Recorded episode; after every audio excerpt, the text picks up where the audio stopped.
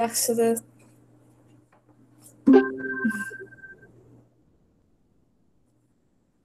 Adam qoşulan adamlar çoxdur. Burada mən nə qədər adam var? Bilə bilirsiniz?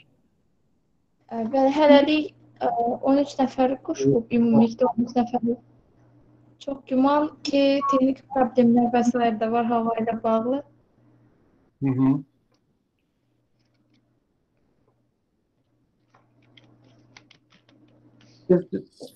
O 18.00'da 18.00'da start verir elədim mi? Gözləyəcək yoxsa? Ə, Gözləyir biraz da mən ə, aramızda qasılmaqda çətinlik çəkənlər var deyəsən. Yavaş-yavaş sayımız artır. Bu qatılanların e, biz be- belə bilmirik də onların ortalama səviyyəsini, ali təhsillərdimi, oxuyurlarmı hal-hazırda, yoxsa çalışırlarmı, yoxsa nə bilim hazırlaşırlarmı ali məktəbdə. Bilə bilmirik də bunu. Belə təəssüf ki, Teymur bəy, belə bilmək olmur. İnşallah sual vermə ərəfəsində onları da yaxından tanıyarıq. Amma bunlar hər dəfə dəyişilən e, kontingentdir, yoxsa məsələn bu gün kontingent hamısı yenidirmi? Məsələn, əvvəlki hansısa digər webinarlarda iştirak etmiş insanlardılar. Onu bil onu bilə bilirsiniz. Mən belə bil bilmirəm. Açığı məndə də ilk dəfədir moderatorluq edirəm. Bunlar ilk e, defa sonunda anlaşılır. Yani e, bu suallar e, yoklama revize karakterli değil. Sadece o kontingent belki müsait bağlıysa o kontingentin ortalama seviyesini yerleştirilmelidir ki akademik dilde danışarsan orta ve aşağı e, hazırlıklı intellekt seviyesini bunun için anlaşıklı olur. Yok da ya da çok ağıllı görünürsen onda insanlar tam anlamırlar ve uzaklaşırlar. Buna göre yani öyle bir ortalama se, e, e forma, ülsiyet forması seçin ki herkes için anlaşılır olsun. Çünkü bizim dikkat edeceğimiz öyle çoklu terminologiyalar var. Onların çalışacağımıza olun. Hayata daha yakın bir Çünki bir, bir webinarda o, o qədər məsələləri uğurlu və uğurlu və uğursuz reklam, uğurlu, uğurlu reklam ya onun üçün ayrıca nə bilim həftələr həsr eləmək lazımdır. Əslində biraz bu tərəfdə söhbət edəcəyik.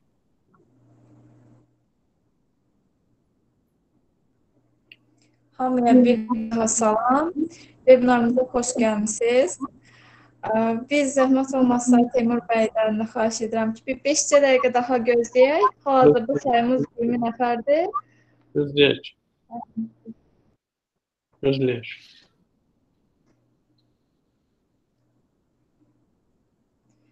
Teymur bəy, chatda belə bir təklif gəlib. Bəlkə siz də razısınızsa, izləyicilərimiz də razıdırsa qeyd edə bilərlər. Səviyyəni müəyyən etmək üçün hər kəs təhsil və ixtisasını mesaja yaza bilər deyə yazıblar. Ola bilər. Onda siz onları görsəniz, yəni gö onlar sizi görünürsə siz onu dərhal ümumi bir nəticə çıxara bilərsiniz. Ola bilsin ki, humanitar sahə üzrə daha çoxdurmu? Yaxud ola bilsin nə bilim, marketinq sahəsi üzrəmi daha çoxdur ixtisaslaşırlar. Yəni onların e, xüsusiyyəti var. Tamam.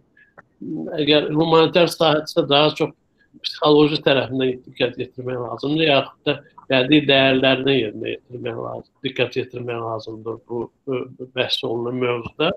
Əgər nədir bu kontingent kontingentin arasında əgər e, İqtisadiyyat Universitetində oxuyanlar üstünlük təşkil edirlərsə, onda bizə daha çox effektivliyə diqqət yetirməmiz lazımdır. Biraz da ölkədə mövcud olan reklam bazarının nədir şərhini icmalı verə bilərik. Ona görə lazımdır. Yəni həm də ki bu bu format bir çoxları tərəfindən e, onlayn format bəyənilir, bir çoxları tərəfindən bəyənilmir. Amma sonda belə bir həqiqət var ki, e, söhbət etdiyim məsələlər, bəhs etdiyim məsələlərin özündə bir yenilik və fayda varsa, onun onlayn və yaxud qeyri-onlayn öyrənilməsi o qədər də önəmli deyil. Öyle diyeceğin hiçbir şey yoktursa, yani dediklerin artık yazılmışlar, okunmuşlardırsa, onu bir başa e, ziyaret vaktinde söylesen tarafsız görünebilir, darıxdırıcı görünebilir. E, insanları yeni, dinlese yeni bir şey öğretmeyebilir. Bizim değişimimiz belədir ki, günün birinci yarısı təsdiq olunmuş həqiqətlər günün ikinci yarısı değişir. Çünki zaman çox sürətlə inkişaf edir, texnologiya bütün sahələrə ciddi daxil edir. Ona, o da bizim sahamızdan da yansıtıdan kesilir. Bir de bizim gerçekliği için e, isteseydi istemeseydi saha hele gençtir. Yani bunun bu üst üste benim anladığımı bildiğime göre yani erken vaxtlardan sahədə çalıştığıma görə 20 22 yaşı var. Yəni professional istiqamətdə Azərbaycanda reklamın start götürüb inkişaf etdiyi dövr 20 illə ölçülür. Bu azdır reklam tarixi üçün. Amma e, nə yaxşı ki bizim e, uşaqlarda ingilis dilinə meyil var və onlar özləri müstəqil olaraq şəxsi inkişaf istiqamətində çox irəliyə gedə bilirlər. Azın azaqlı olur ki, hamı bunu etmir. Yəni bu, bu, bu istiqamətdə gedənlərin sayı ümumi tələbin sayından çox azdır. Təəssüflər olsun, çox azdır. Çünki şəxsi inkişaf sizə elə gələ bilər ki, yəni sonuçta bir yaş üçündür. Reklamalarınızı bağlayardınız, mane olmamaq üçün.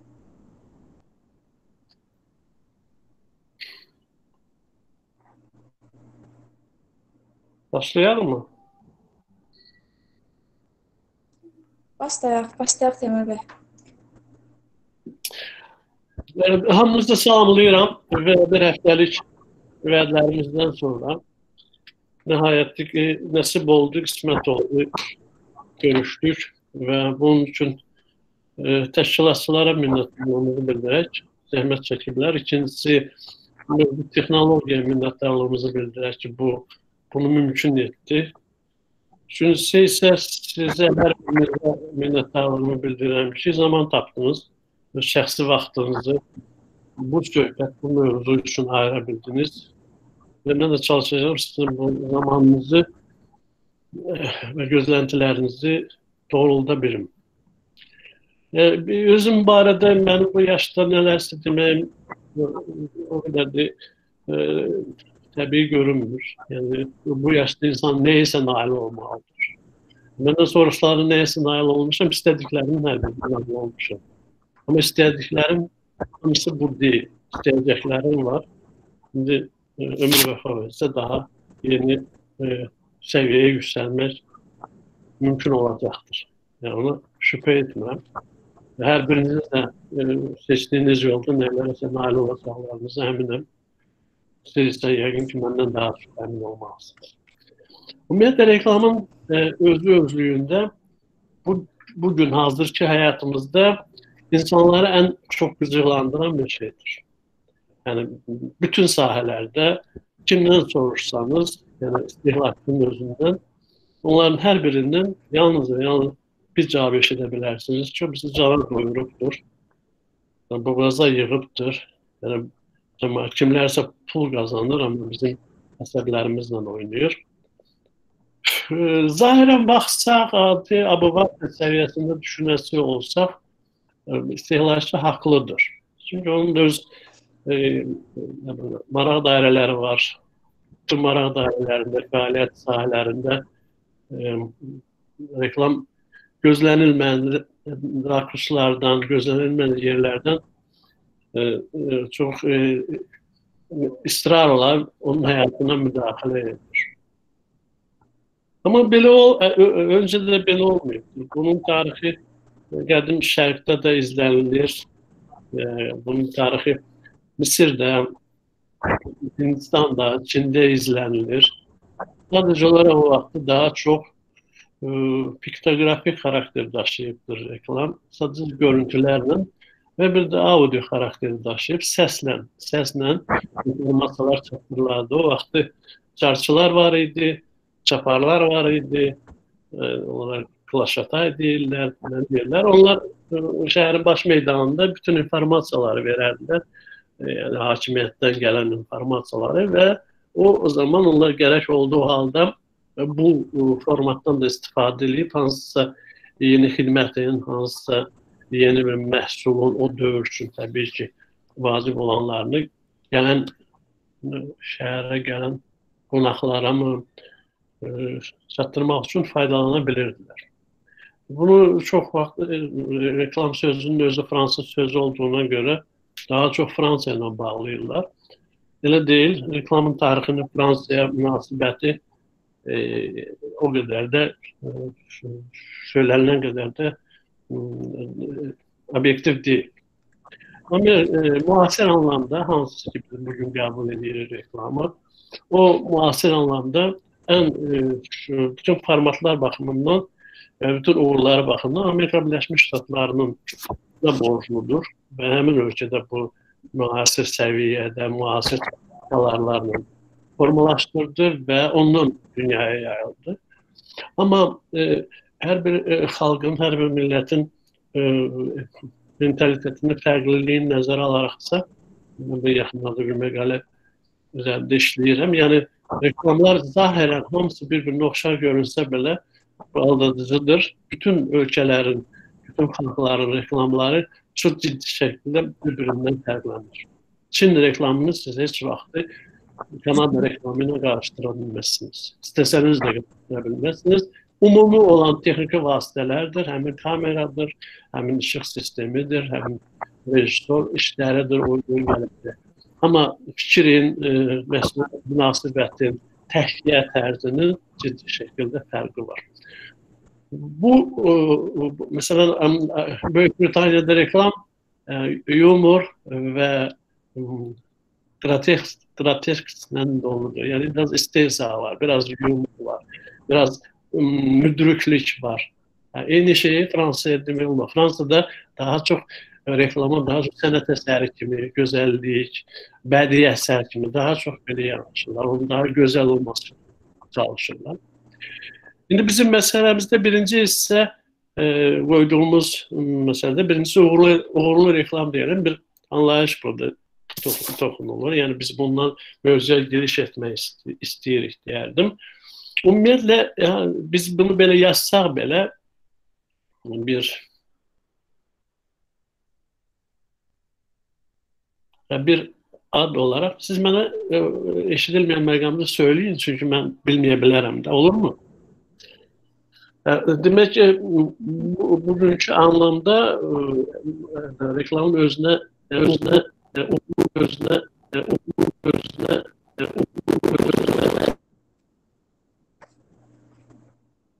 Aha, bugün, bugünkü anlamda reklama uğurlu veya uğursuz e, yanaşılması əslində düzgün e, təsdir, düzgün traktovka deyil. Yəni, düzgün izah değil, düzgün yanaşma değil. Bakmayarak biz burada bunu adlı, e, nədir, webinarın adı olarak belə qoymuşuq. Nəyə görə düzgün değil? Çünkü uğurlu ve uğursuzluğu reklamın e, onun daşıyıcılarının e, çarxıdır mı, yaxud da radyo sportdur mu, yaxud da nədir, billboarddur mu, yəni e, indoor, outdoor, yəni e, mağaza daxil, market daxilidirmi, yəni küçə reklamıdır mı? bunların yani uğurluluğu onların çok vaxtlı onların bədii dəyərləri ilə yanaşılır. Yəni çox gözəldir, çox yaxşı kreativ tapıntı var. Baxmayaraq ki, mən ömrüm boyu daha çox kreativdə fəaliyyət göstərmişəm. Amma uğurluluğunun yalnız bir kriteriyası var, bir göstəricisi var. O satışa nə dərəcədə təsir göstərdi. Bütün reklamların, bütün marketing e, vasitələrinin yani bütün marketing aletlerinin sonunda bir məqsədi var. Yalnız bir məqsəd. Satışa dəstək vermək. Ola bilər e, yanaşma tərzi fərqli ola bilər. Bəzi hallarda e, məsələn reklam ola bilsin ki, sadəcə tanıtıma aiddir. Yəni bir markadır, markanı tanıtmaq istəyirlər. Amma adamda iş başına görünce markanı tanıdırlar. Burada qəribə nə var ki, yaxud da ki, burada ə, e, satışa aidiyyəti var. Tanıtımın özü satışa xidmət edir. İmage reklamıdır. Satışdan bir kəlmə belə söhbət getmir. Bunu alın, bu xidmətdən faydalanın, ya faydalanın. Bu arada bir kəlmə belə söhbət getmir. Göstərilir markası, yaxud həyatdan götürülmüş hansısa bir epizod yaxud epizodlar sıralanır video sıra olaraq və sonda marka çıxır, yəni ticarət markası, logosu çıxır məhsulun. Adam da elə təsəvvür yaranır ki, bunlar üçün satışın heç bir mənası yoxdur. Amma yox, elə deyil. Çünki satış təhdə şuur, şuur altında daha çox ciddi şəkildə yer tutur. İnsan hafizəsində e, dərin iz buraxan, hafizəsində hopan, yaxud hafizəsinə köçən loqolar e, yaşayır. Bəzi bu yaxın zamanlara qədər, pandemiya dövrünə qədər e, hər kəs, e, bütün mütəxəssislər, bu sahədə olan mütəxəssislər hamısı tam əmin idi ki, insanların e, marka seçimi ki var, məhsul seçimi ki var, xidmət seçimi ki var, onlara sədaqəti, layallıq deyirlər bunu bizim terminologiyada. Yəni bağlantısı əbədidir və heç vaxt bundan imtina edə bilməz. Amma pandemiya dövründə məhsulların e, mağazalardan, rəflərdən təmizlənməsi e, anında göründü ki, insanlar arabacıqlarını istənilən məhsulla, qida məhsullarını doldururlar ki, beyinlərində düşünürlər, ac qalmayım. Orada artıq marka barəsində düşünən yox idi. Rəfdə nə var idi, nə qalmışdı, onu götürürdülər. Yəni, arabaya yükləyirdilər və kassaya tərəf yönəldirdilər. Ona görə e, bu halda hansı e, reklamın uğurluluğundan, uğursuzluğundan o qədər də e, nədir danışmaq əslində artıq zəhmət çəkən bir şeydir. Amma uğurluluq öz özlüyündə reklam işləri olaraq hər hansı reklam şirkətinin yaxud da hər hansı bir sifarişçinin özünün mal və məhsulun reklamı ilə bağlı olaraq aldığı nəticələr, əldə etdiyi nəticələr Ee, bu reklam kampanyasını söyleyen bütövlükte oğlu ve oğlunun olmaması arada fikir söylemeye gelir. Mesela e, ne derim e, Barhat İngilabı reklamda Barhat İngilabı ile bir kitap var. Çok neşr olunmuş kitaptır. Müellifi bir vafa Coca-Cola'nın e, marketin bir vice prezidentinde olur. Onu onun əslində fikrinə əgər əsaslansaq, ümumiyyətlə məhsulun yaxud da malın və ya xidmətin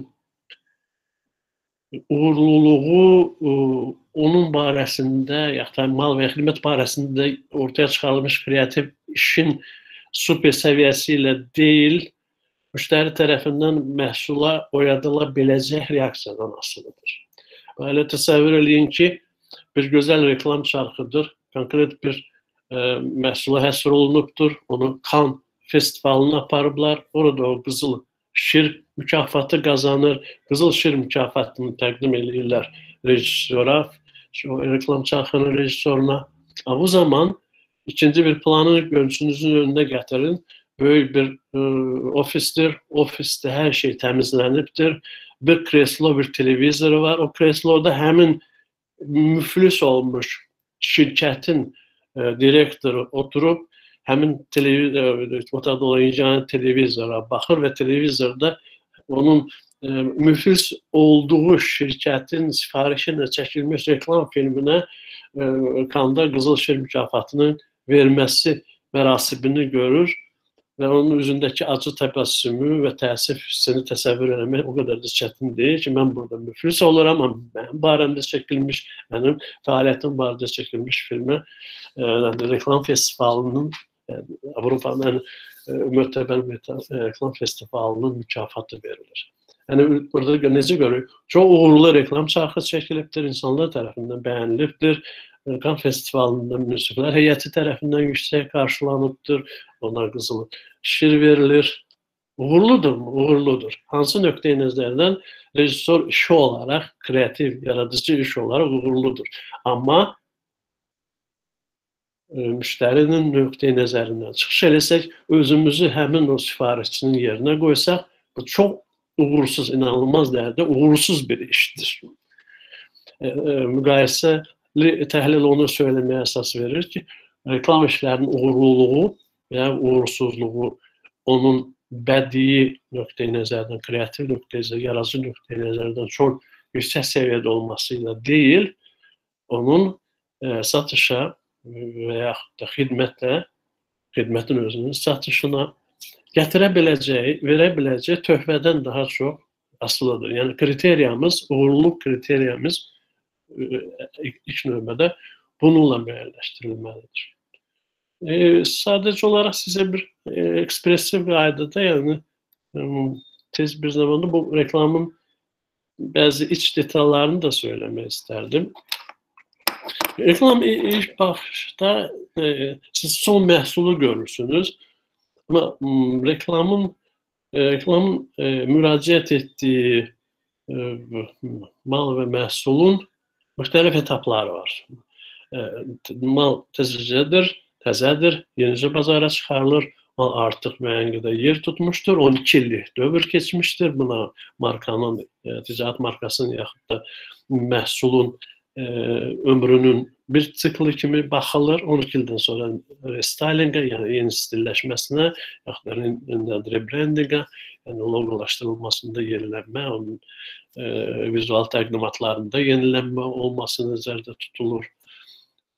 Sonra sadəcə olaraq çox e, kifayət qədər sevilir, insanlar tərəfindən tanınılır, müəyyən ciddi yeri var. Belə olduğu halda isə onun daha daha yuxarı e, hörmət pilləsinə, yəni hörmət pedestalına, sevgi pedestalına, yəni bağlantı pedestal pedestalına, yəni e, pilləkəninə çatdırmaq üçün image e, material, yəni image kampaniyaları keçirilir. Orada yəni sadəcə olaraq bu yaxşıdır, bu gözəldir, bunun keçirmək olur, həyatınızın bir parçasıdır, həyatınızın ayrılmaz parçasıdır. Yəni, sizin həyat tərzinizi müəyyən edir, sizin həyat tərzinə xidmət edir, sizin həyat tərzinizi gözəlləşdirir və s. Bu istiqamətdə olanlar isə sırf onun e, image xarakterlidir və sonra mərhələdə isə ya e, tam e, uğursuz bir mövqeyə gəlib çıxır, onu oradan çıxarmaq lazımdır. Yaxud da ki, ümumiyyətlə məhsulu bazardan çıxarırlar. İlk növbədə e, ad, qoyun, ad verimdən başlayır. Mənim özüm 150-dən çox məhsul ad vermişəm. İndi mağazaya, marketə girəndə siz onları görürsünüz. E, reklamda bunun kim etdiyi məsələsi yalnız reklamçıların öz arasında bəlli olur. Onun geniş kütləyə çatdırılmır. Çünki formatın özü belədir. Məqsəd reklamçıdan getmir, reklam məhsul onun ortaya çıxardığı məhsulun satışa verdiyi dəstəkdən gedir. E, digər bir tərəfdən e, uğursuz reklamlarla bağlı müəyyən e, fikirlər söyləyə bilərəm. Uğursuz reklamlar ümumiyyətlə reklam tarixində çox olubdur.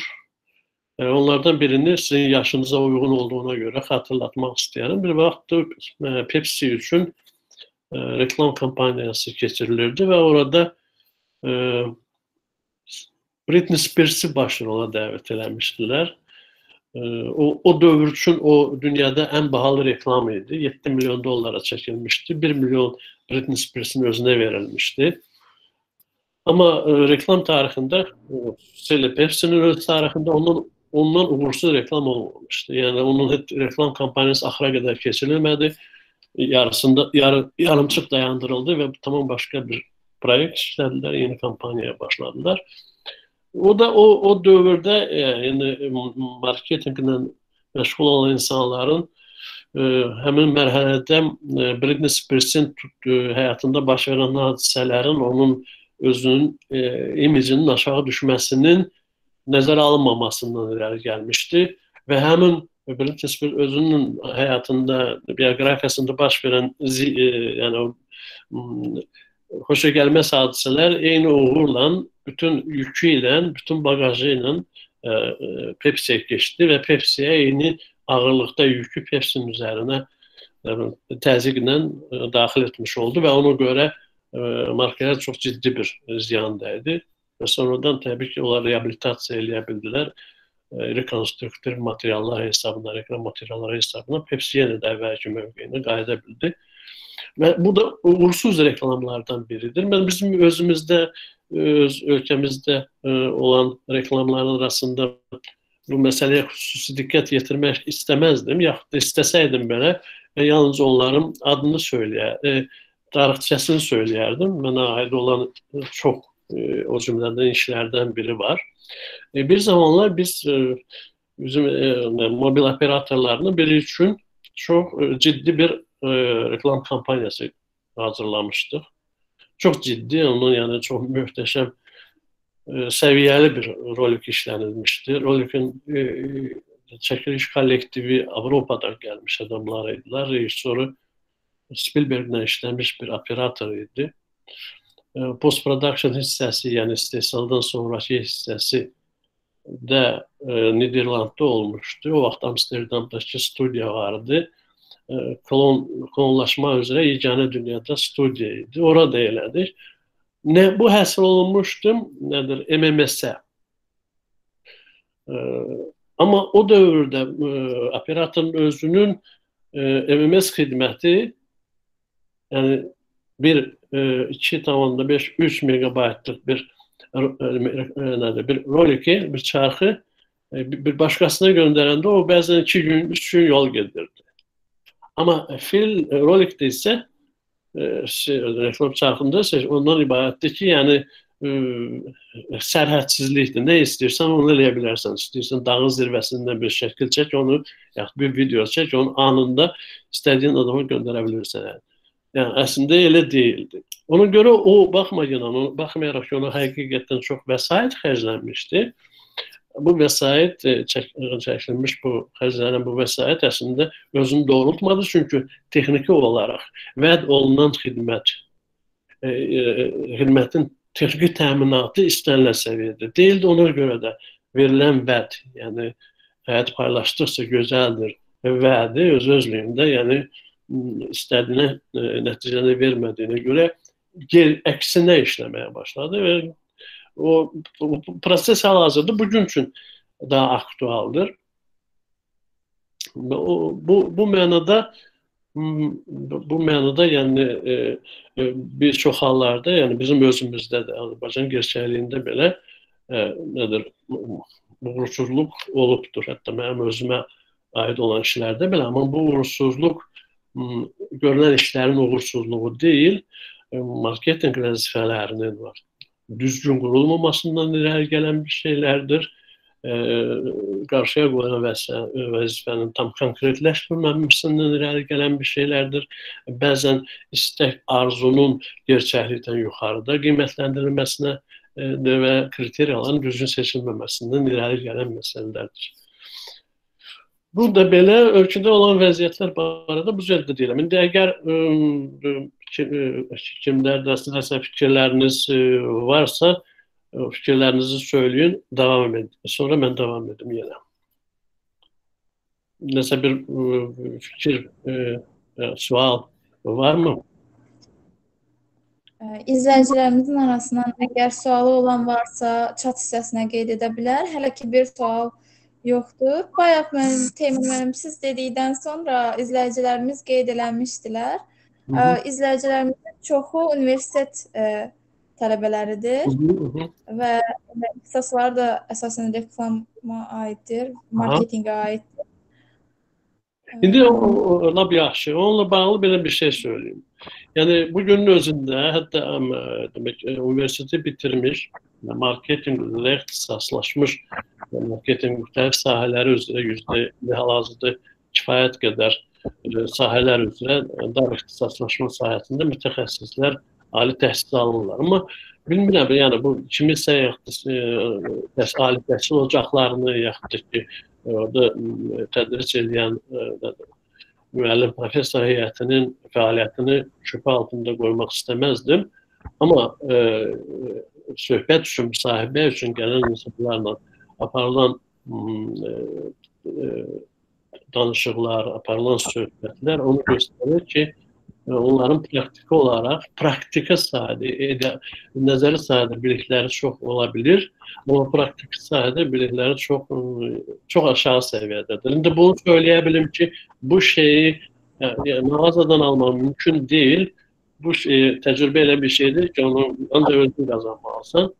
Amma bu da nədən, bu mənfi hal nədən, hardan qaynaqlanır, onu da söyləyim. E, mənə də gəlir ki, birinci, ikinci kursdan başlayaraq e, uşaqların, yəni tələbələrin ciddi şəkildə yəni staj keçməsinə ehtiyacı var. Yəni onlar gedib heç bir əmək haqqı gözləmədən, ummadan e, bu e, reklam şirkətlərində deyim, marketing e, strukturlarında deyim, yəni oralarda e, ciddi şəkildə təcrübə keçmələri lazımdır. Çünki bu gün e, bu gün buna ciddi e, ciddi şəkildə tələb artır. Deyəsən bayaq mənim gözümə bir şey dəydi, bilmədim o mənə aid olan bir şey idi. İçi boş nəsə bir ifadə gördüm, bilmədim o kimə aid olan bir şeydir.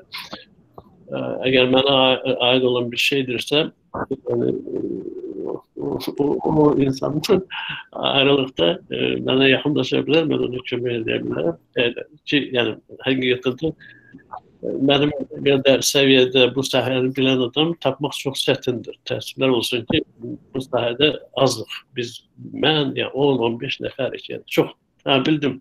Yəni biz çox deyilik. Təəssüflər olsun ki, çox deyilik. Amma bu da bir zaman istəyir bir dövr istəyir, formalaşma istəyir. Hal-hazırda əslində bizdən sonra gələn nəsil bu sahədə həqiqətən də çox ciddi e, ciddi uğurlara imza atacaqdır. Hətta mən indi bizdən sonra gələn nəslin, e, yeni nəslin e, ölkə bazarından kənara çıxmalarının şahidi oluram. Çox ciddi bu sahədə addımlar atırlar. Digər ölkələrlə işləyirlər. Bu dəstək veriləsi qürur duyuracaq bir şeydir. Amma bizim ölkə daxili üçün özəlliklər var.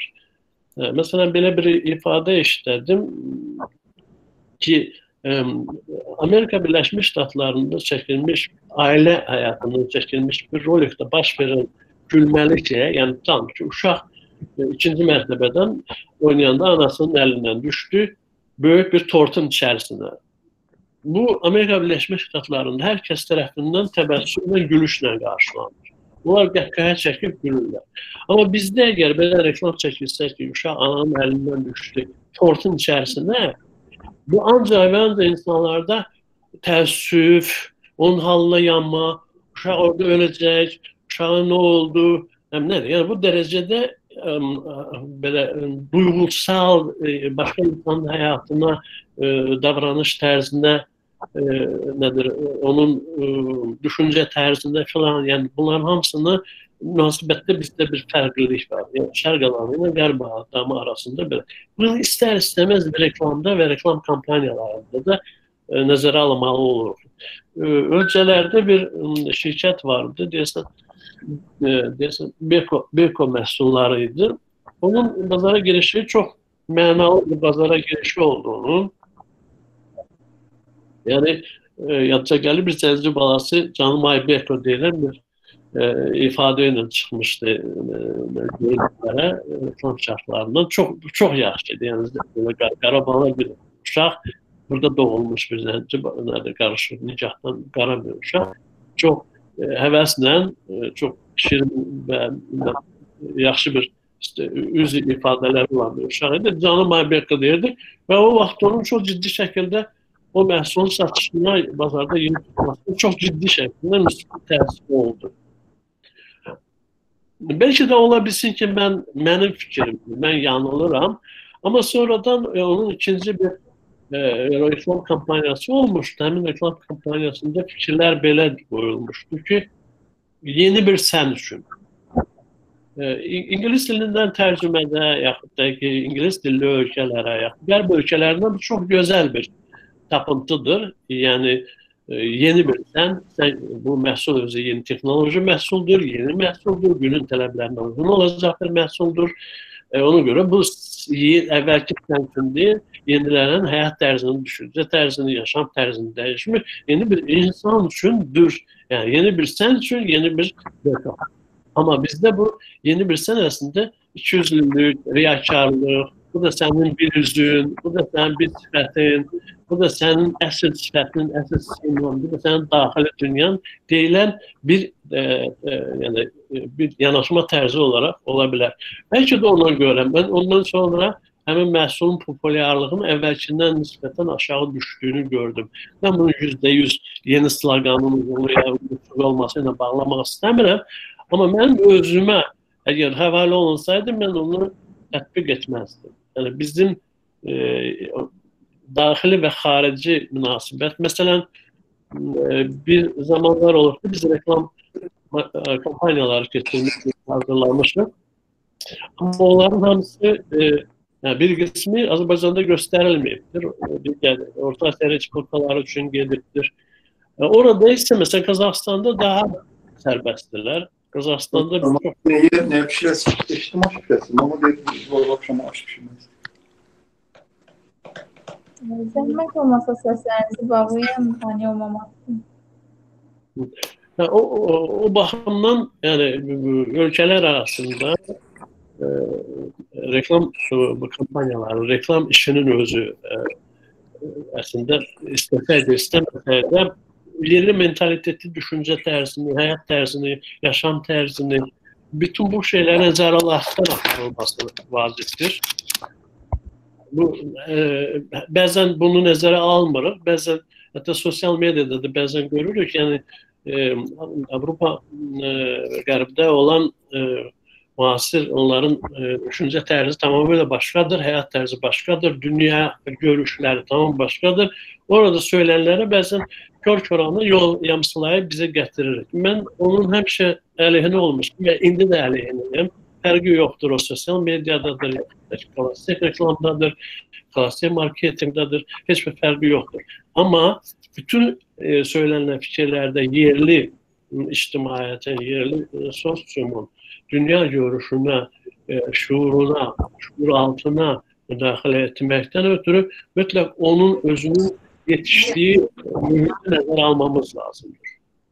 Onun e, e, onun e, düşüncə tərzini, istehlak mədəniyyətini, istehlak vərdişlərini, istehlak davranışlarını istər-istəməz nəzərə almaq lazımdır. Yəni mən ömrüm boyu həmişə kababın həqiqətən də bəlkə də həkimlər də haqlıdırlar. Belə kebabın yəni, ə, insan orqanizmi üçün tez-tez yeyildiyi halda ziyanlı olduğunu yüz dəfələrlə, min dəfələrlə eşitmişəm. Çünki mənim yaşım bu qədər çox eşitməyə əsas verir.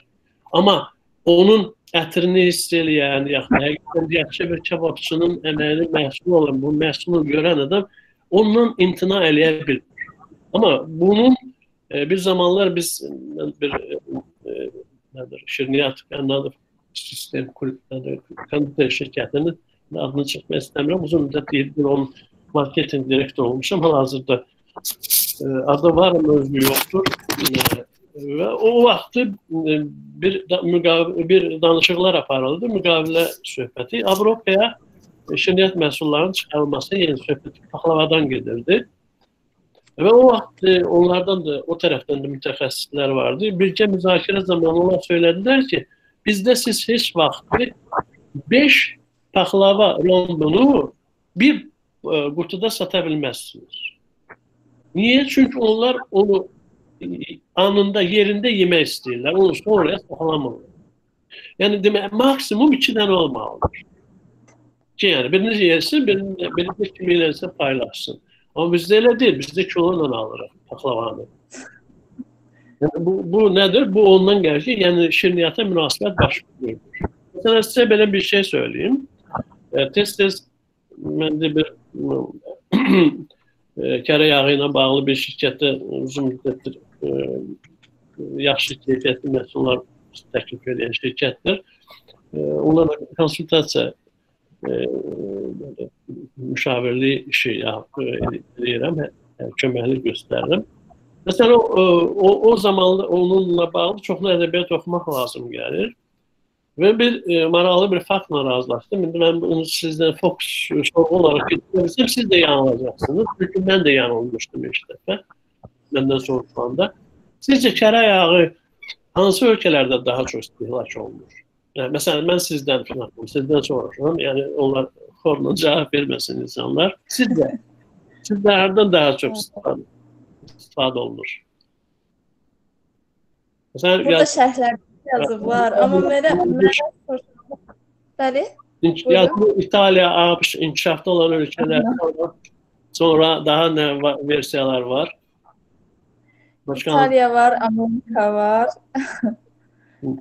bir de işte teorem belediyende reklamlarda Yeni Zelandiya adı çok işlendiğine göre. Tabii hiç, bizim, o... ya, Rusya, Arap ülkeler görürsünüz ne kadar. Ama çok maraqlıdır, çok yormayayım insanları. Ee, Zelandiya'ya istehsalçısıdır. Onların çok istihlak ettiğini, hamıdan çok istihlak ettiğini söyleme istemez.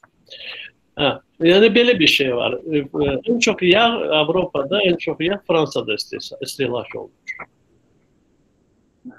Ama biz de ona diyoruz ki yağ bizi kökeldir. Yağ insanı kökeldir. Yağ insanı kökeldirse niye Fransız kadınları kök değiller? Yani herkes Fransız kadınları daha güzel hesap edilir. Öyle değil mi? Onlar da səhər də yağ yeyirlər, gün ortada yağ yeyirlər, axşam da yağ yeyirlər. Çörəklə. Bəs ni, bizim onlarla fərqimiz nədir? Kərə yağını biz bu qədər sevdiyimiz halda biz onlardan geri qala bilərikmi? Bizdə kərə yağı istifadə olunur yeməkdə, bişmişlərdə. Onların da bişmişlərdə o qədər kərə yağından meyilli deyil. Yəni, ona görə çünki kərə yağı bişmiş, biş, e, yemək bişirdiyin halda istifadə etdikdə əvvəlki kərə yağı deyil. O tamam keyfiyyət və digər göstəricilərine görə tamam yeni e, xarakter, e, yeni bir səviyyəyə keçmiş olur. Ona görə indi bəzi hallarda indi nəyə görə belədir? Çünki orada kərə yağı kökəldir deyilən bir anlayış yoxdur. İndi e, bir çox e, birinci növbədə kərə yağı qadınlar üçün çox böyük üstünlükləri var. Qadın orqanizmi üçün kadın nedir? Yani kadınlar daha çok üstünlükleri vardır onun. Yani onu özünüz okuyabilirsiniz. Yani eğer maraq doğurarsa. Və e, indinin özündə də məsələn zaman keçir. Tam ki e, e, 50-ci illərdə 50-60-cı illərdə zamanınız, həvəsiniz olarsa Amerika kanalı ilə bir film gedir. Filmin adı hmm, Be- Dəlilər deyə bilər tərcümə edə. Bezumca. Məsələn, Bad Man desin belə ingilis dilində adı. E, o 50-60-cı illərdə e, Amerika reklam e, sferasını tam əhatə edən bir şeydir. Öz-özlüyünü serialdır, öz-özlüyünü çox çox e, baxılmış bir əslində bir serialdır. Amerikada çox yüksək Mad düz deyirəm, Mad Men Mad Men'dir.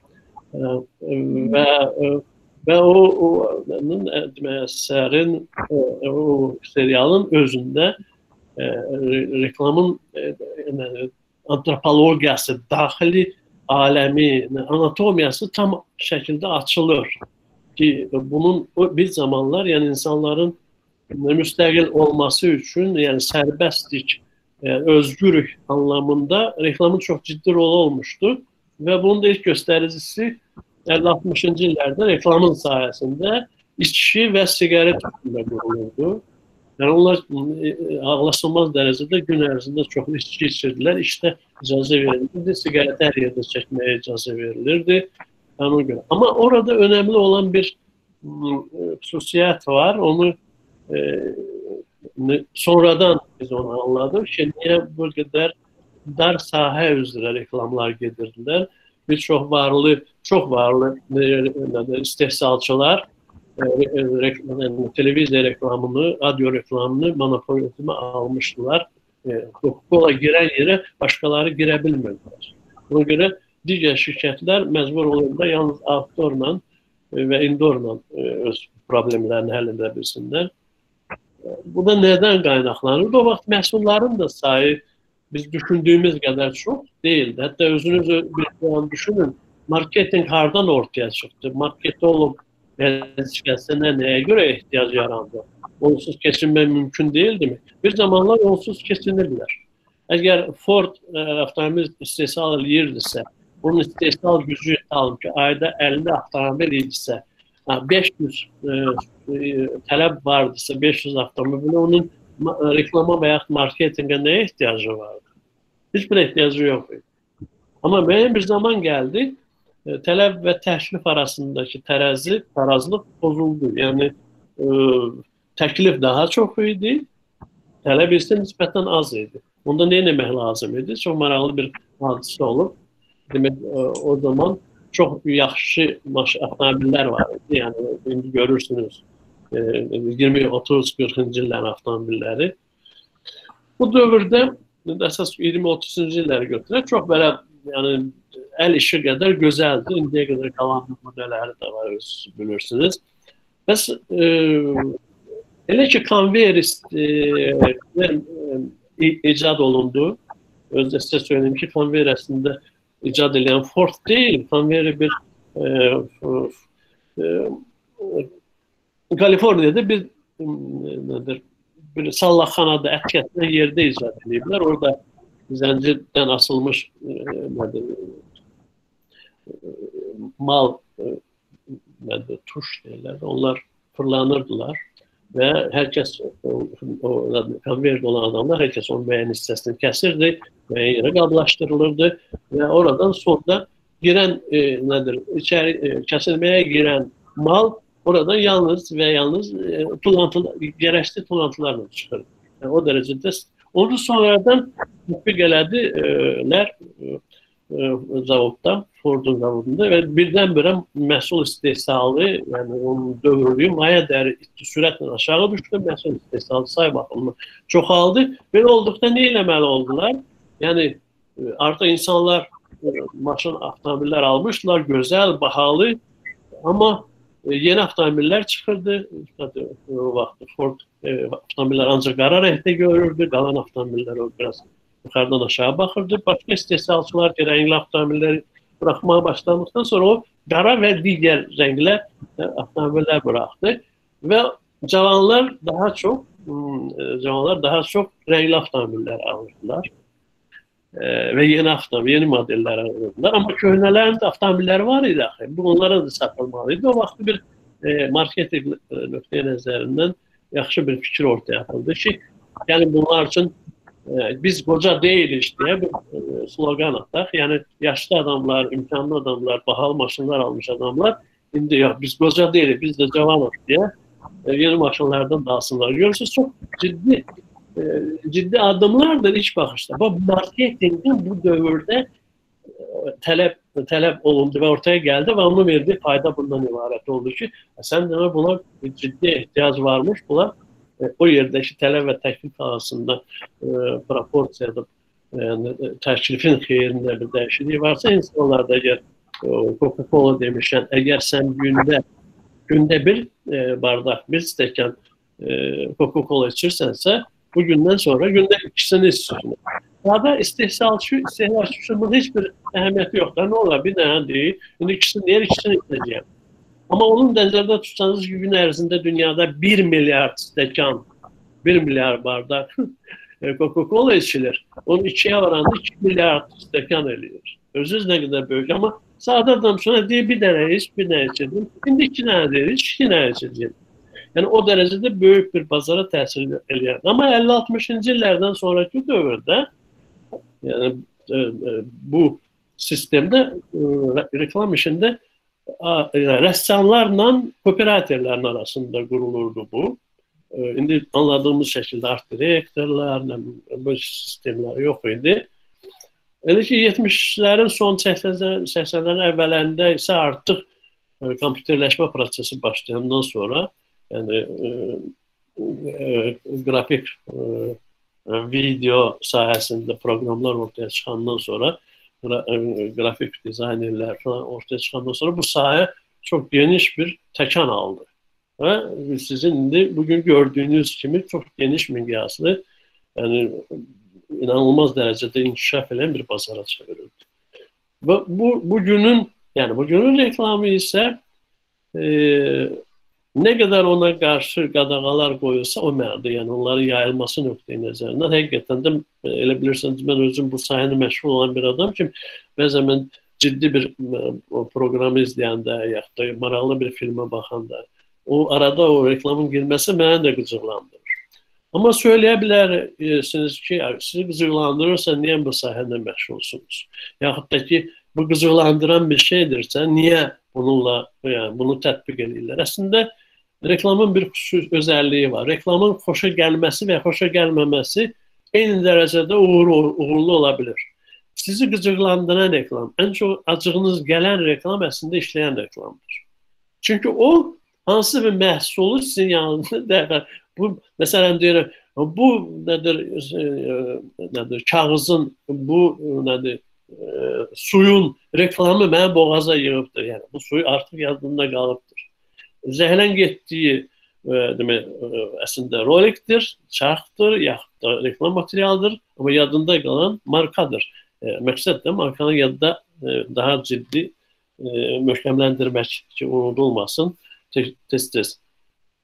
Xüsusən bu da e, hazırki dövrdə reklamın ehtiyacı ondan irəli gəlir ki, reklam önerileri istihsal istihdam pazarı gittiğince çeşitli hesabına astronomik sahada genişlendi. Yani bugün dünen tal ki bir Colgate vardı, sen bir Demet vardı, sen mesela dünyada minlerle adda e, diş mezunu bırakılır. Bunların arasında hansını ben seçmeliyim.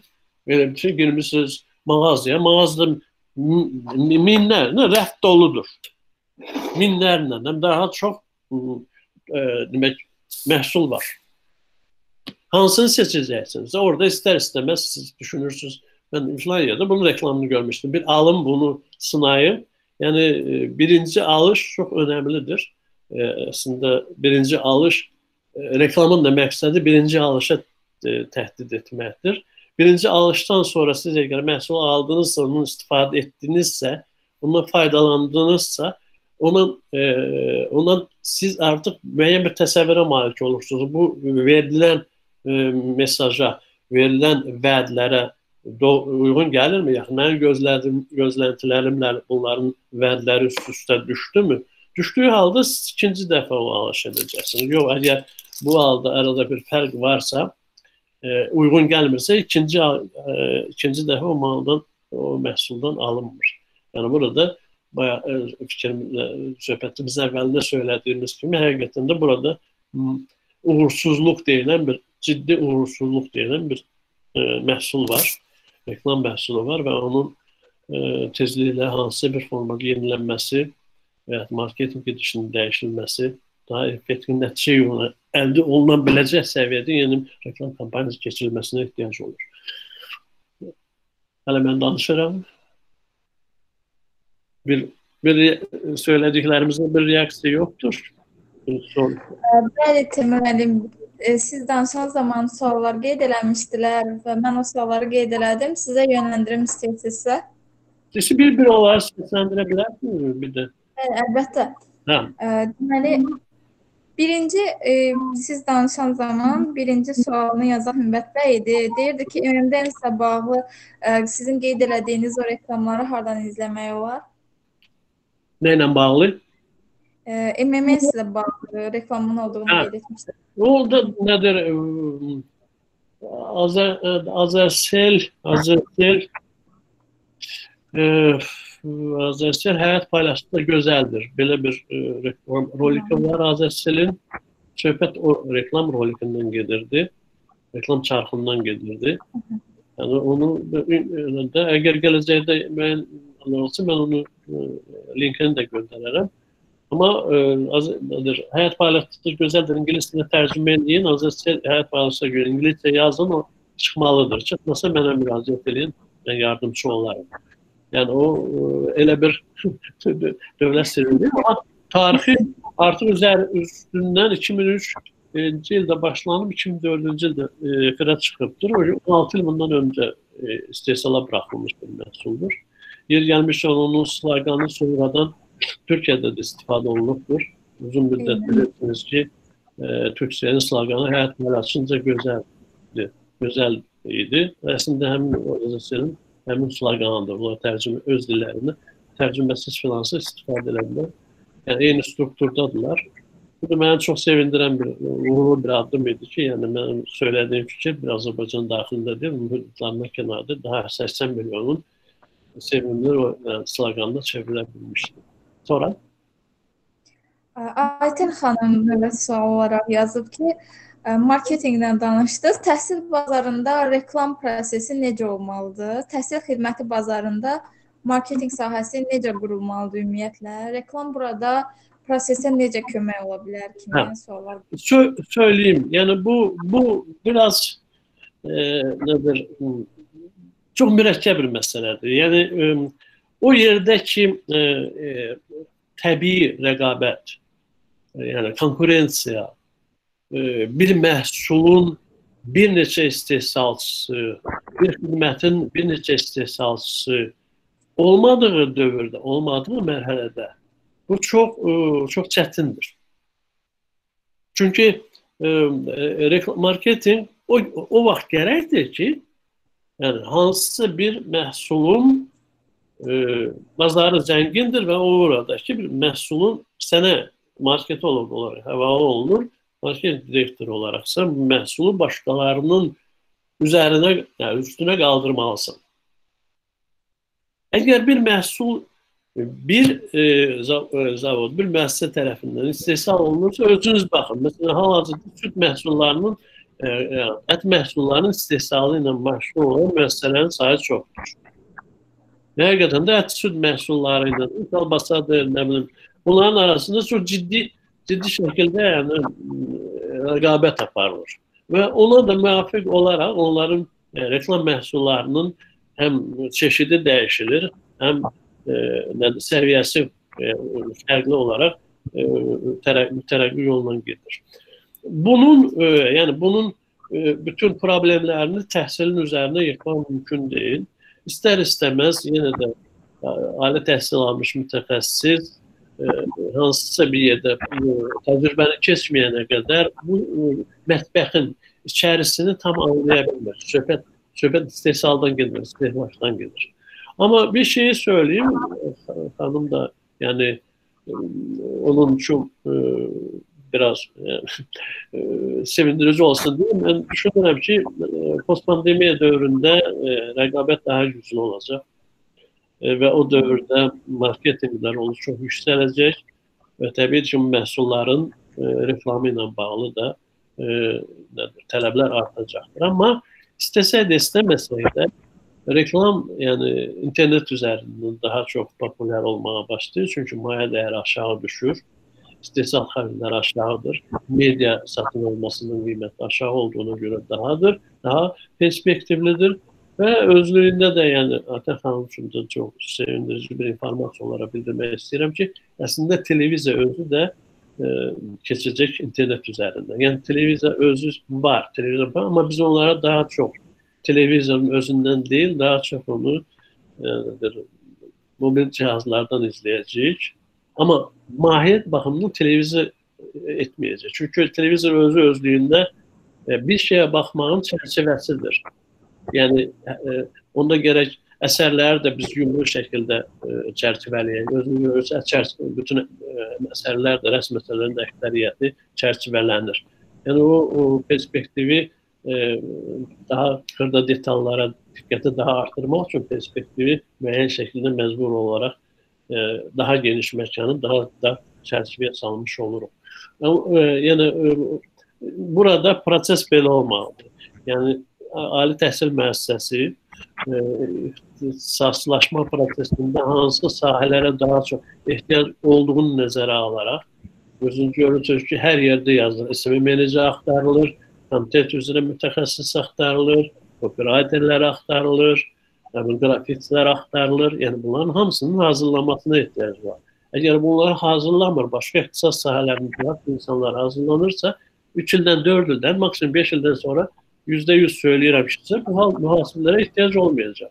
Hamısı keçici e, e, e, programlara ve programlar üzerinde merkezleştirilmiş şekilde idare olacak. Artık kompüterleşecek.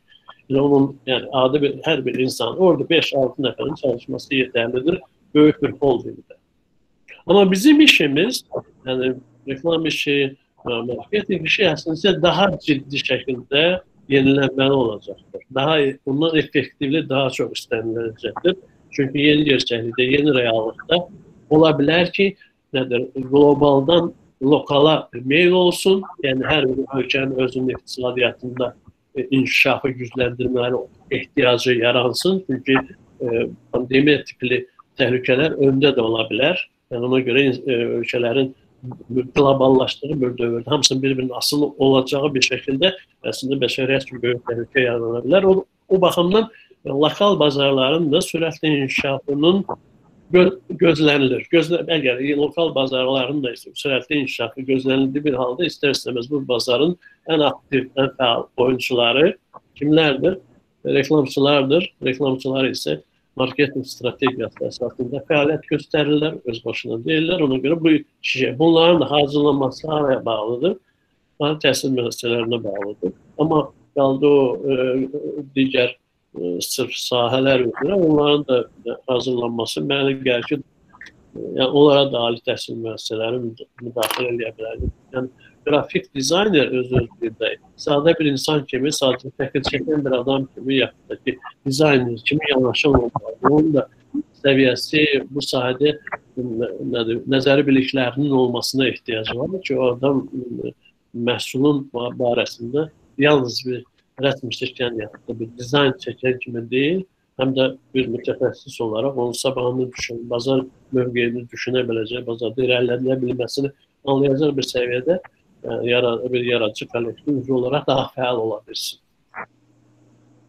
Sonra Temur bəy, mən də bir şey qeyd eləmək istəyirəm. Ha? Elə mən də sizin dediyiniz televizorun bazarına ölməsi ilə bağlı oxuduğum kitabda Seth Godin'in Bənövşə ilə kitabında rastlamışdım.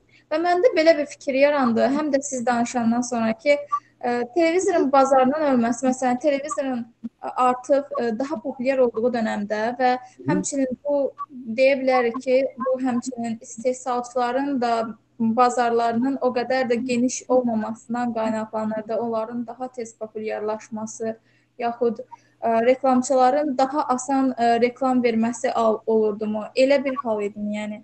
O halı, yəni o vaxtda görmədiyimə görə məndə belə bir fikir yaranır ki, yəni bazar balaca idi və reklamçılar çox əziyyət çəkmirdilər bu barədə.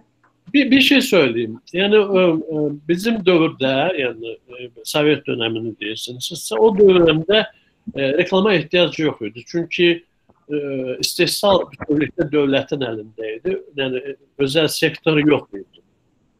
Ancaq dövlətin əlində. Dövlət istehsal elədiyi məhsulları əvvəlcədən planlaşdırırdı bölgə üzrə. Onun görə heç bir ehtiyacı yox idi. Yəni məhsul gərək olduğu qədər özləri düşünürdülər ki, yəni bizə bundan 1000 dənə lazımdır, 1000 soyuducu istehsal edirdik və 1000 soyuducunu hamıya çatdı, çatmadı bizi maraqlandırmır. Çünki yəni orada çox problemlər var, onun üzərində demək istəmirəm. Qaldı televizor.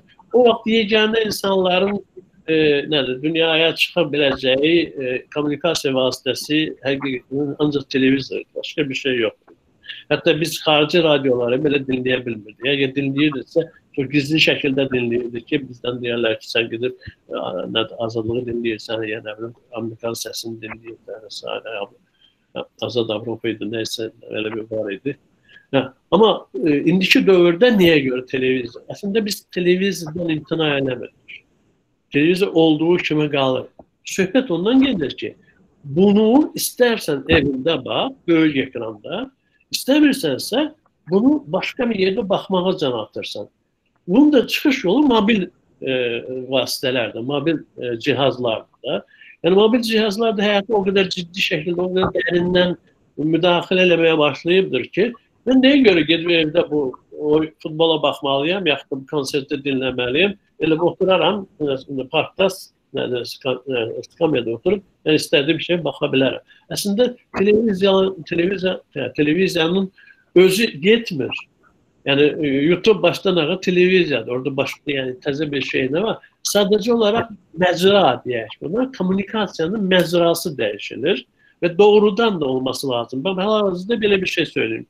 Azerbaycan'da Azərbaycan ərazisində mən televiziya münasibəti olduğuna görə söyləyirəm. Azərbaycan Respublikası ərazisində insanların yalnız 8 faizi televiziyaya mobil vasitələr tərəfi ilə baxır. Nəyə görə? Çünki e, internetin sürəti o qədər istənilən səviyyədə yüksək deyil, üstəlik də ödənişi yuxarıdır. e, nədir, bölgələrdə isə ümumiyyətlə baxa bilmirlər. Nə etməlidirlər? Bu televiziya baxmaq istəyir, baxacaq. Nə var, ona baxacaqdır. Yəni 6-7 kanaldır, ona baxacaq. Bir dənə də yani Türkçe kanallarda yine de televizyon özünde bana bahası olacaktır. Terk ondan ibarettir. Değişilen televizyon özü değil. Değişilen onun komünikasya mezrasıdır. Yani taşıyıcının özü değişildi. Yani bu nedir? Mobil rabitedir, internettir vesaire. Ben üzerinden yani bu, problem daha yaxşı həll olunur. İstənilən yerdə, istənilən məqamda, dağın başında sən televizora baxa bilməyəcəksən. Amma dağın zirvəsində sən mobil telefondan istədiyin verilişə baxa bilərsən, istədiyin görüntüyü ala bilərsən, göndərə bilərsən. Yəni bu baxımdan dəyişiklik bu istiqamətdə gedir. İkinci bir tərəfdən də o vaxt əvvəl söylədiyim kimi, yəni Amerikanın özündə belə böyük şirkətlər televiziya kanallarını e, monopolizə elədiklərinə görə kiçik, yəni nisbətən kiçik şirkətlər özlərini tanıta bilmirdilər. İndiki dövrdə siz özünüz sabah 5 şirkət yaradıb bir məhsulunu buraxıb 15 dəqiqədən sonra siz onu sosial mediada istənilən səviyyədə, istənilən auditoriyaya minlərlə, yüz minlərlə, milyonlarla o xərclədiyiniz pulla bağlıdır. Çatdıra bilirsiniz ki, mən artıq belə bir şey açmışam və bu orada da təbii ki, sizin məhsulunuzun ünvan, məhsulunuzun ünvanladığın auditoriyanı sizə lazımdır. Bütün auditoriya çatmanın nə mənası var? Yəni, bir məhsulun bütün 10 milyon mənim talım ki, məsələn deyirəm, e, e, nədir? Özəl ayaqqabı istehsal. Məsələn deyirəm. Bunun o olsa mən bundan gündə ola bilsin ki, 10 dənəsini istehsal edə bilərəm. Bu nə bilim e, aya vuranda nə qədər eləyir? 300 eləyir. Yəni, ilə vuranda qoy olsun 4000, 5000. Azərbaycanın 10 milyon əhalisi mənə müraciət etməyə mənası varmı? Yox. Sosial mediada mən öz auditoriyamı tapıb onlara müraciət edirəm. 5 min, 10 min nəfərə nokta özüşmede kurar. O noktayı nezardan yani sosyal medyaya, internet üzerinden reklama faciə kimi, tragediya kimi baxılmamalıdır. Əslində yəni bizim həyat tərzimizin, yəni istehlak e, mədəniyyətimizin, davranışlarımızın, vərdişlərimizin daha e, effektiv olması üçün yeni bir vasitənin, çox effektiv bir vasitənin e, ortaya meydana gəldiyinə sevinərək baxmaq Ve o insanlara sağ ol demek lazımdır. Bizde 50 nefer başlamıştı, 23 kaldı. Neyse biz bitirene kadar orada 2-3 nefer kalacak. Çox güman ki, internetdən də qaynaqlanır. Evet. İnanmıram ki, yəni bizim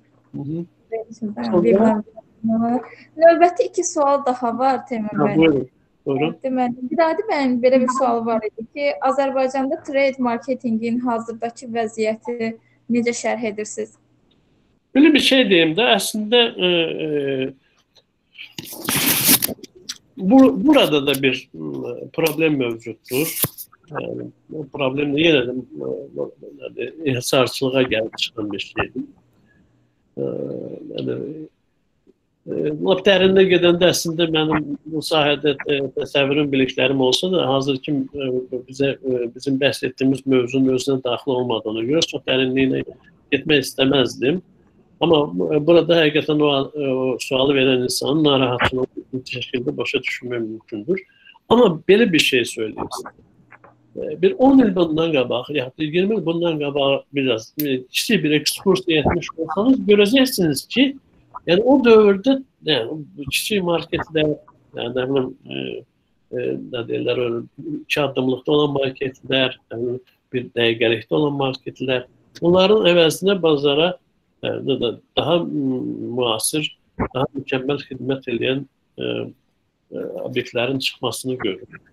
Və bunların da əslində e, aralarındakı adın rəqabətin də daha çox müştəriyə anlandığı kimi görmürəm onu. Daha çox yəni satışı bahatlı olsun artırmaq kimi görürəm. Acınacaqlı bir şeydir. Məsələn, Kingsmart bir iki böyük market var. Onlar Lökbatan qəsəbəsindədir. Onlar şəhərin içərisində deyillər. Və onun içərisində saatlarla gəzə bilərsiniz. Özünüzü çox rahat hiss edirsiniz. Çox təmizdir sıralar rəflər arasında məsafəsi çox böyükdür. Rəflərin üstü dolu deyil. Yəni yuxarı da açıqdır, yanlar da açıqdır. Yəni hər şey təmizdir. Amma hardadır? Bir qəsəbədədir, şəhərin özündə deyil. Yəni onlar başqa bir e, strategiya seçiblər ki, e, yəni o öz özlüyündə həqiqətən mən e, ciddi maraq doğurdu məndə və onun e, şəhər ətrafı nədir e, baxımdan inkişaf eləməsi mənim üçün maraqlıdır. Və əgər əlavə daha geniş, daha ətraflı məlumat e, gərək olursa, yəni əlaqə saxlasın insan məndən, telefon da var orada. Daha ətraflı danışarıq. Çünki həqiqətən də bu sahədə mən e, yəni mənim əslində mənim özümün sahəm deyil. Yəni o, o baxımdan yəni ticari marketinq əslində yəni daha ciddi e, daha ciddi e, izah və müzakirə tələb edən mövzudur. Ona görə ola bilsin ki, mən tam daha əhatəli cavab verə bilərdim. Ama herhalde bu, bu seviyede e, kifayetlenme isterdim. E, telefon numaranızı e, numaranı verin o insana ya, ya da buradan bana e, yazsın. Ben o insanlar zaman oldukta ayrıca görüşüm bu arada daha etraflı e, fikir mübadelesi ederdim. Sonra ikinci neydi? Növbəti sual Nicat bəydəndir. Qeyd edir ki, Teymur müəllim yəqin ki, Kontakt Home və Kapital Bankın Milli Musiqi Günü ilə bağlı reklam çarxlarını izləmisiniz. Yəni bu çarxlarla bağlı sizin fikirləriniz nələrdir? Yox, mən çox, çox təəssüflər olsun ki, izləməmişəm. Amma belə bir şey söyləyim sizə. Bu tipli e, addımların atılması çox gərəklidir. E, yəni e, ölkə həyatında bizim nəzərə e, unudulmaması, e, yadda saxlanılması önəmli olan, diqqətin cəlb edilməsi üçün çox vacib olan bu kimi addımlara e, biznes strukturlarının, maliyyə qurumlarının diqqəti cəlb eləməsi, yəni bunun vəsait və diqqət ayırması öz özlüyündə çox maraqlı və gərəklidir. Amma e, işlərin özlərinin keyfiyyətini, səviyyəsini dəyərləndirmək istəməzdim çünki mən onları görməmişəm. İndi Nicat bəydən əlavə gərək olursa, e, mən onlara baxaram və onun özü üçün fikrimi söyləyə bilərəm. Amma mən başdan deyirəm ki, yəni belə intuisiya əsaslanır və düşünürəm ki, onlar yaxşı olmalıdırlar. Çünki orada bir duygu, duygu tərəfi var orada, his tərəfi var orada. Yəni yəqin ki, musiqiyə, mədəniyyətə məhəbbət ruhu var orada. Mən düşünürəm ki, onlar yaxşı olmalıdırlar. Mən üçün nədir, Kapital Bank üçün axırıncı mənim işim onlarla ürəklərə yolumuz birdir rolik var idi. Evet, mən özüm orada çəkilmişəm də ilk epizodda. O mənim proyektimdir, mənim layihəmdir kifayət qədər yaxşı e, diqqət cəlb elədi, faydalı oldu. İndi də yarım milyondan çox baxışı falan olmuşdu. Bu baxımdan e, diqqəti cəlb eləyən bir şeydir. Ümumiyyətlə Kapital Bankın e, son 3-4 il ərzində e, gördüyü işlər diqqəti e, həqiqətən cəlb eləyir. E, yəni onlar daha çox sosial həyata meylli olurlar. Çünki mən belə başa düşürəm ki, Kapital Bankın əslində fəaliyyəti fərdi fərdlərə fərdlərə əsaslanandır. Yəni korporativ bank deyil, fərdlərlə işləyən bankdır. Ona görə sosial aktivliyinə ciddi ehtiyac var. Yəqin bu söylədiyiniz addım onlar sosial aktivliyini təsdiq edən addımlardan biri olur. Qaldı kompaktom, kompaktomun son ya son nədir? Kontaktom, evet de kompaktom. Kontaktomun da son e, zamanlar e, fəaliyyətində çox e, nəzərə çarpacaq ciddi e, nədir, evolyusiya var, irəliləyiş var və onların e, insanlara və ailələrə e, nədir, daha yaxın olmağa can atmaları təqdirə layiqdir. Amma yəni qaldı onların strategiyası falan o məsələdə biz kənarda bilmədiyimizə görə onu tənqid yaxud da ki, e, təşviq etmək o qədər də önəmli deyil. Çünki hər kəs öz strategiyası əsasında e, kommunikasiyasını həyata keçirir. Aha, çox sağ olun Teymur bəy. Yeni suallar e, var. Mən indi gördüm sual chat sitəsinə baxdığım zaman. E, Tural bəyin belə bir sualı var. Ə, Məhsul reklamının yox, hər hansısa xidmətin reklamı zamanı daha çox nələrə diqqət yetirmək lazımdır? Hə. O, o çox e, doğru bir, çox yaxşı adama təşəkkür edirəm. Bu çox maraqlı bir sualdır. Həqiqətən də e, bizdə əslində məhsul reklamı FMCG sahəsində e, reklam çox qabaqdadır. E, yəni sayı da çoxdur. E, istehsal olunan reklam məhsullarının da sayı və çeşidi, yaxud da ki, keyfiyyəti də müəyyən qədər diqqəti cəlb eləyir. Amma xidmət sahələrinə gəldikdə orada o, o dərəcədə m, aktual deyil. Yəni, o dərəcədə ə, ürək açan deyil. Mən işlərin səviyyəsinin aşağı yuxarısından ə, nədir ə, söyləmək istərəm. Bizdə nədədir? Məhsul Tamam ki, məsələn mənim özümün zəhmətim, mənim özümün gördüyü iş, hətta reklamçılığın özü məhsul istehsalı deyil. Fikir satışıdır. Məhsul istehsalı ilə məşğul olan strukturlar production strukturlardır. Bunlar öz işləri var, onlar pulunu ödəyirsən onlar. Amma bizim üçün fikri satmaq çox çətindir. Bizim gerçəklikdə mənim özümün də baxmayaraq uzun 25 ildir bu sahədə. Mən üçün də hər dəfə elə bir ki 25 il əvvəlki kimi satıram fikri. Çünki o dərəcədə e, yəni qarşı tərəfinin qarşısında evolyusiyasını, təkamülünü o qədər ciddi şəkildə hiss eləmirəm. Onlar e, hizmet sayesinde geldi. Hizmet dokunulabilmediğine göre yani elle onu e, ne de, mesela e, sigortadan söhbət gedir. Cəbirləyirsiniz. 50 il sigorta haqqı ödəyə bilərsiniz və sigorta hadisəsi baş verməyə bilər və 50 ildən sonra o pullar sizindir. Bu üst-üstə toplasanız ola bilsin ki, siz 100 min manat pul ödəmisiniz sigortaya. Normal sığorta bazarı formalaşandan sonra yəqin belə olacaq. Amma ola bilsin ki, bir adam Dəmi 200 manat düşün, ya 500 manat ödəyibdir, birinci sığorta hadisəsi onun başına gəlibdir. Allah irad etsin, hər kəsdən uzaq. Kaş ki biz sığorta ödəyək, amma sığorta hadisəsi başımıza gəlməsin. O adam ola bilsin ki, birdən-birə mənə 50 minlik, 100 minlik sığorta alır. Yəni premiyası alır. Yəni, necə olur? O da fikirləşir ki, yox mən istəmirəm, sığorta nəyimə lazımdır. Hadisə baş verir, bəlkə baş vermədi. Yəni xidmət özü özlüyündə belədir. Yəni, məsələn, siz deyirsiniz, hə, gedərsiniz, bu şəhərə getsəniz, ya bu ölkəyə getsəniz, daha maraqlı istirahət edəcəksiniz, nəinki o bir talib ki, e, e, səyahət xidmətidir. Amma o, o nədir? Gedirsən qalib gələndə, yəni düz demədiniz, gərək mənə o bir ölkəni deyirdiniz. Çünki mən daha çox muzey həvəskarıyam. Siz isə məni daha çox shopping olan bir ölkəyə göndərmişsiniz. Alış-veriş daha çox olan və alış-veriş həvəskarı deyiləm. Yəni ona görə çox çətindir xidmət sahəsində reklam çox çətindir, amma eyni zamanda da çox asandır. Çünki orada daha çox duyğular ön, ön plana çıxır.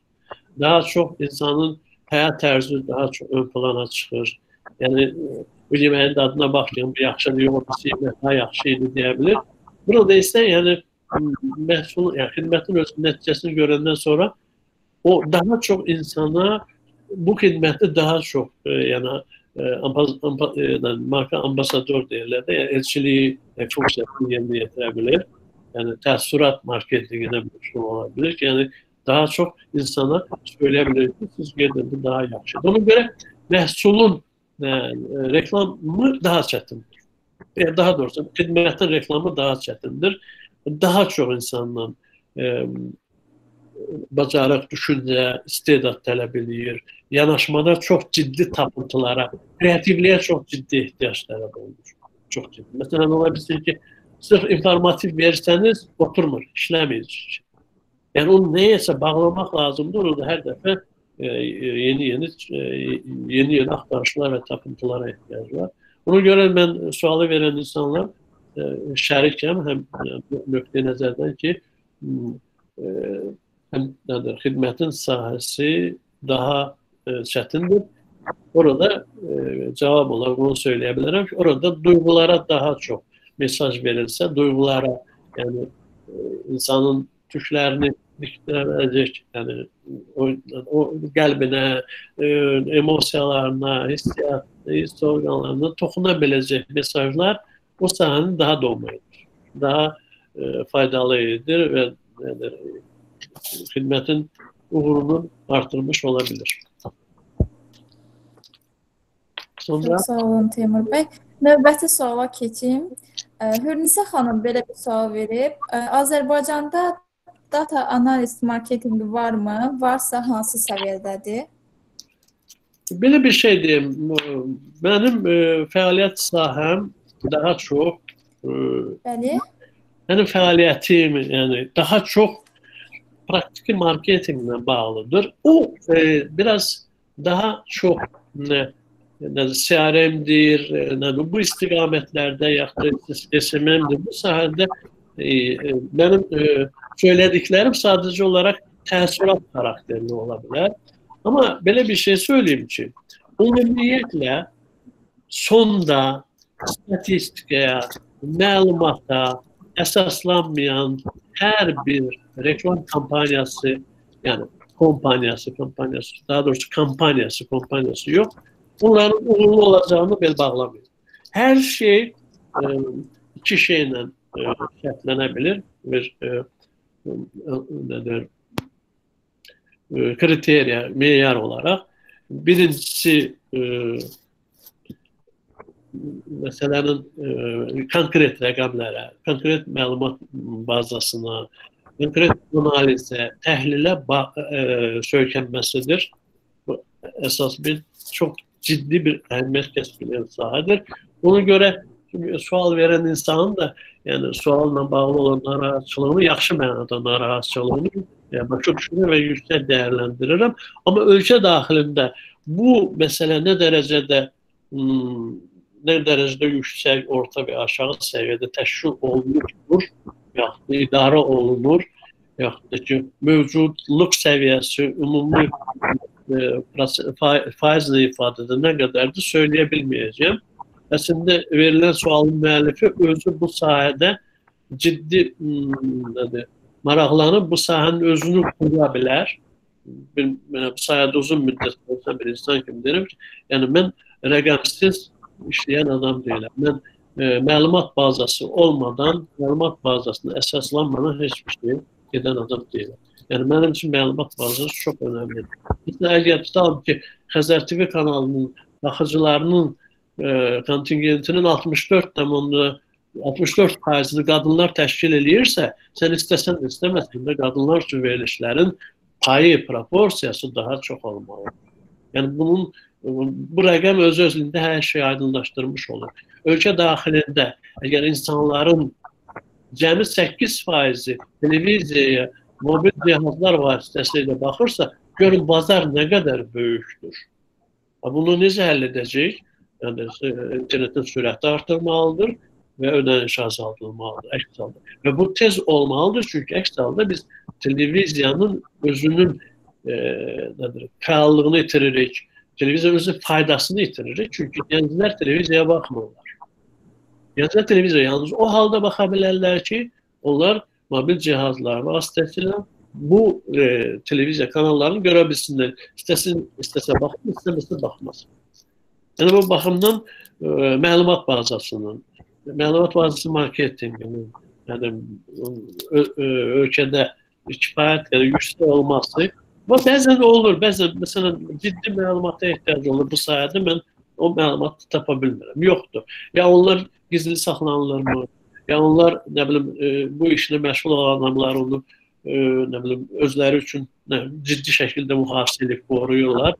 Amma məni tələblərimə cavab verəcək səviyyədə anında o məlumatları mən əldə edə bilmirəm. Bəlkə də belə bir mərkəzləşdirilmiş e, yəni məlumat bazasının yaradılmasına ehtiyac var ki, o məlumat bazasından istifadə edərək də işinin effektivliyini, yəni verimliliyini daha yüksək səviyyəyə qaldıra bilər.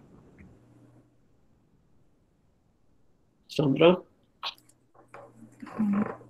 Mən də sizinlə razıyam ki, yəni artıq hansısa televiziya televiziya kanalının biz ə, kanalını falan ə, daha doğrusu səhifəsini falan görmədik də bizim ona qarşı marağımız həddən artıq çox azalır. Tamam doğru. Ə, növbəti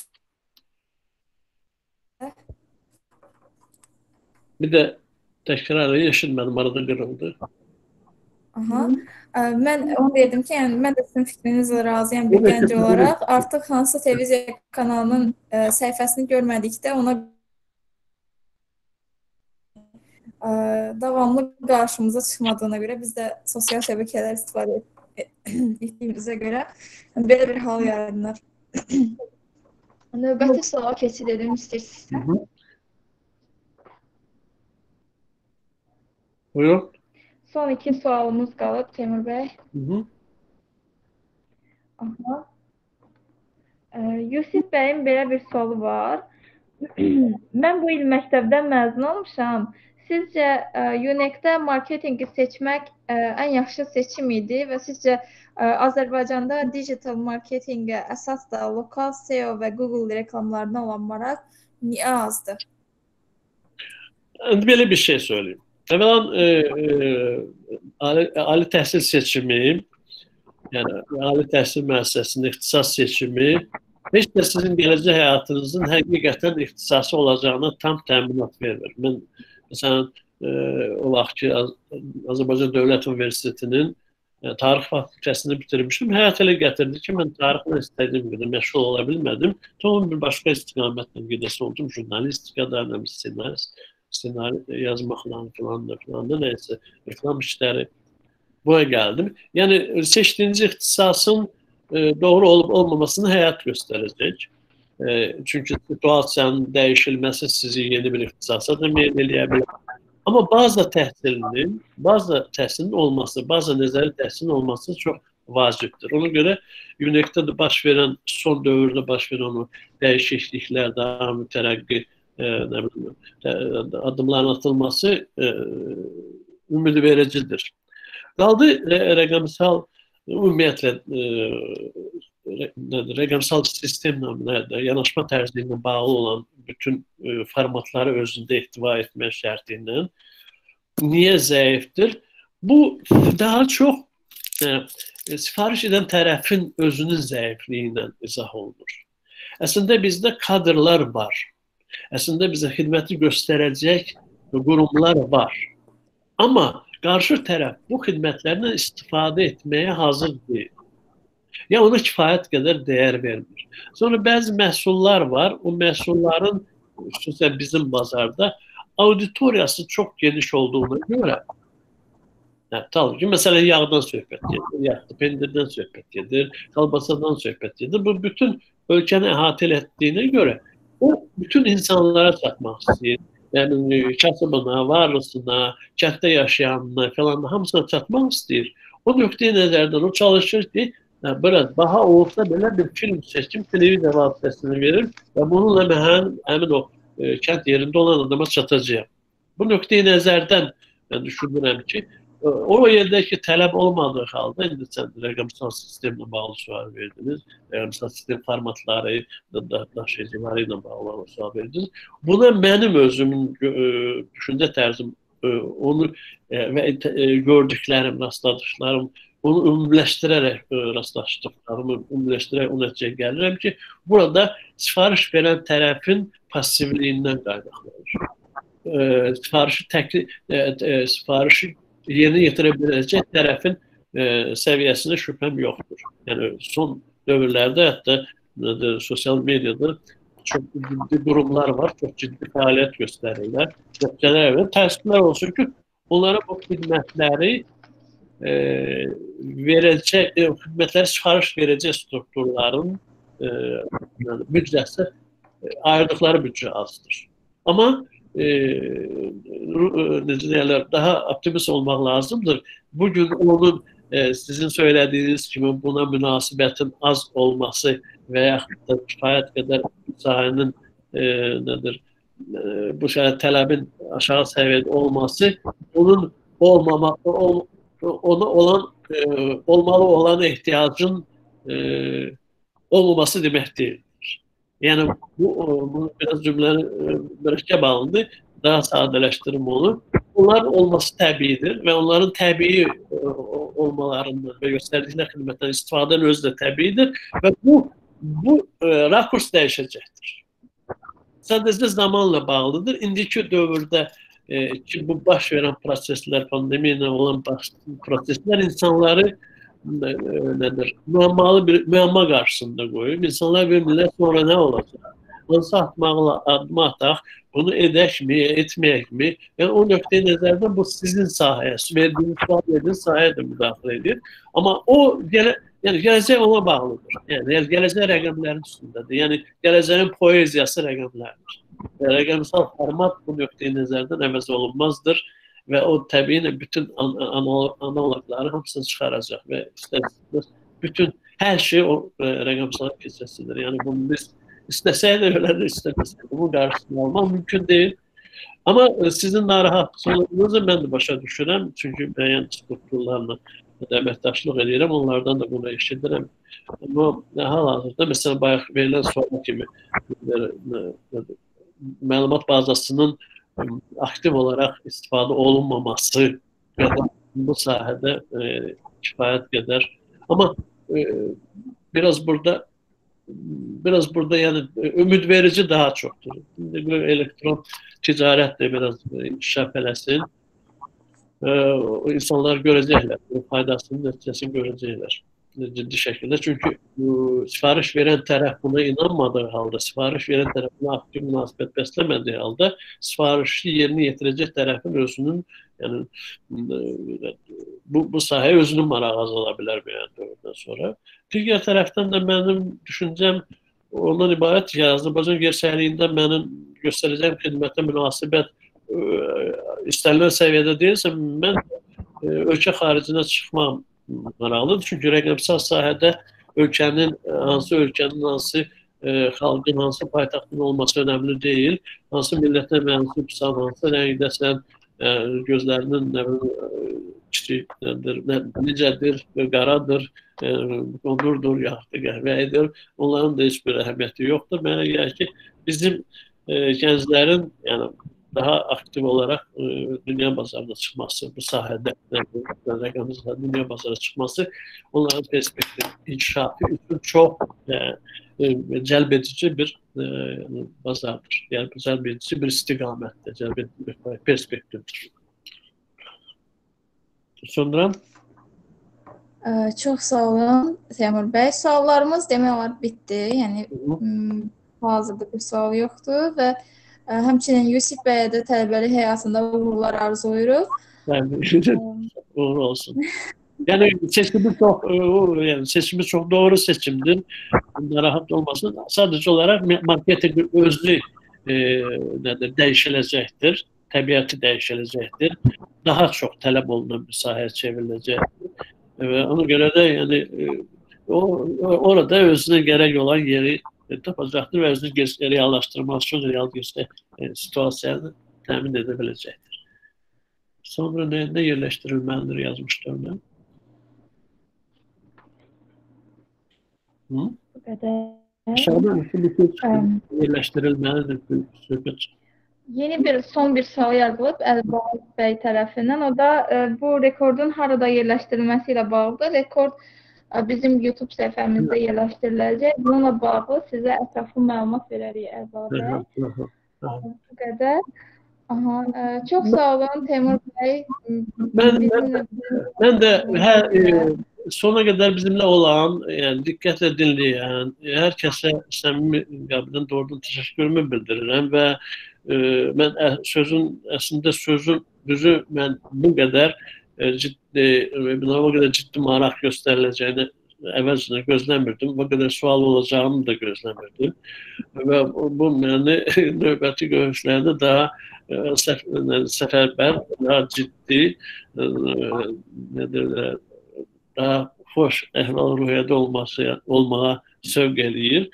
E, gələcəkdə də düşünürəm əməkdaşlığımız olacaq. Mövzular ən müxtəlif ola bilər. E, sizə də və o e, bizi sona qədər dinləyən, maraq göstərilən, hətta yarımçıq da texniki səbəbdən bizdən ayrılanlarına hər birinə minnətdarlığımı bildirirəm ki, e, məni saydılar, gəldilər, dinlədilər və e, həyatımızın saat yarımını e, yaxşı faydalı bir şey etmiş olduq. Sizə də Çox sağ olun bir daha. Ümid edirəm ki, bu izləyicilərimizin hər birinə az da olsa fayda verə bilmişik və ə, ə, bizə sərf elədikləri vaxta görə ə, onlar da yəni çox ümidlidirlər. Ə, Çox sağ olun bir daha. Teymur bəy. Yeni, yeni oldu. sağ olun. Sağ olun. Sağ olun.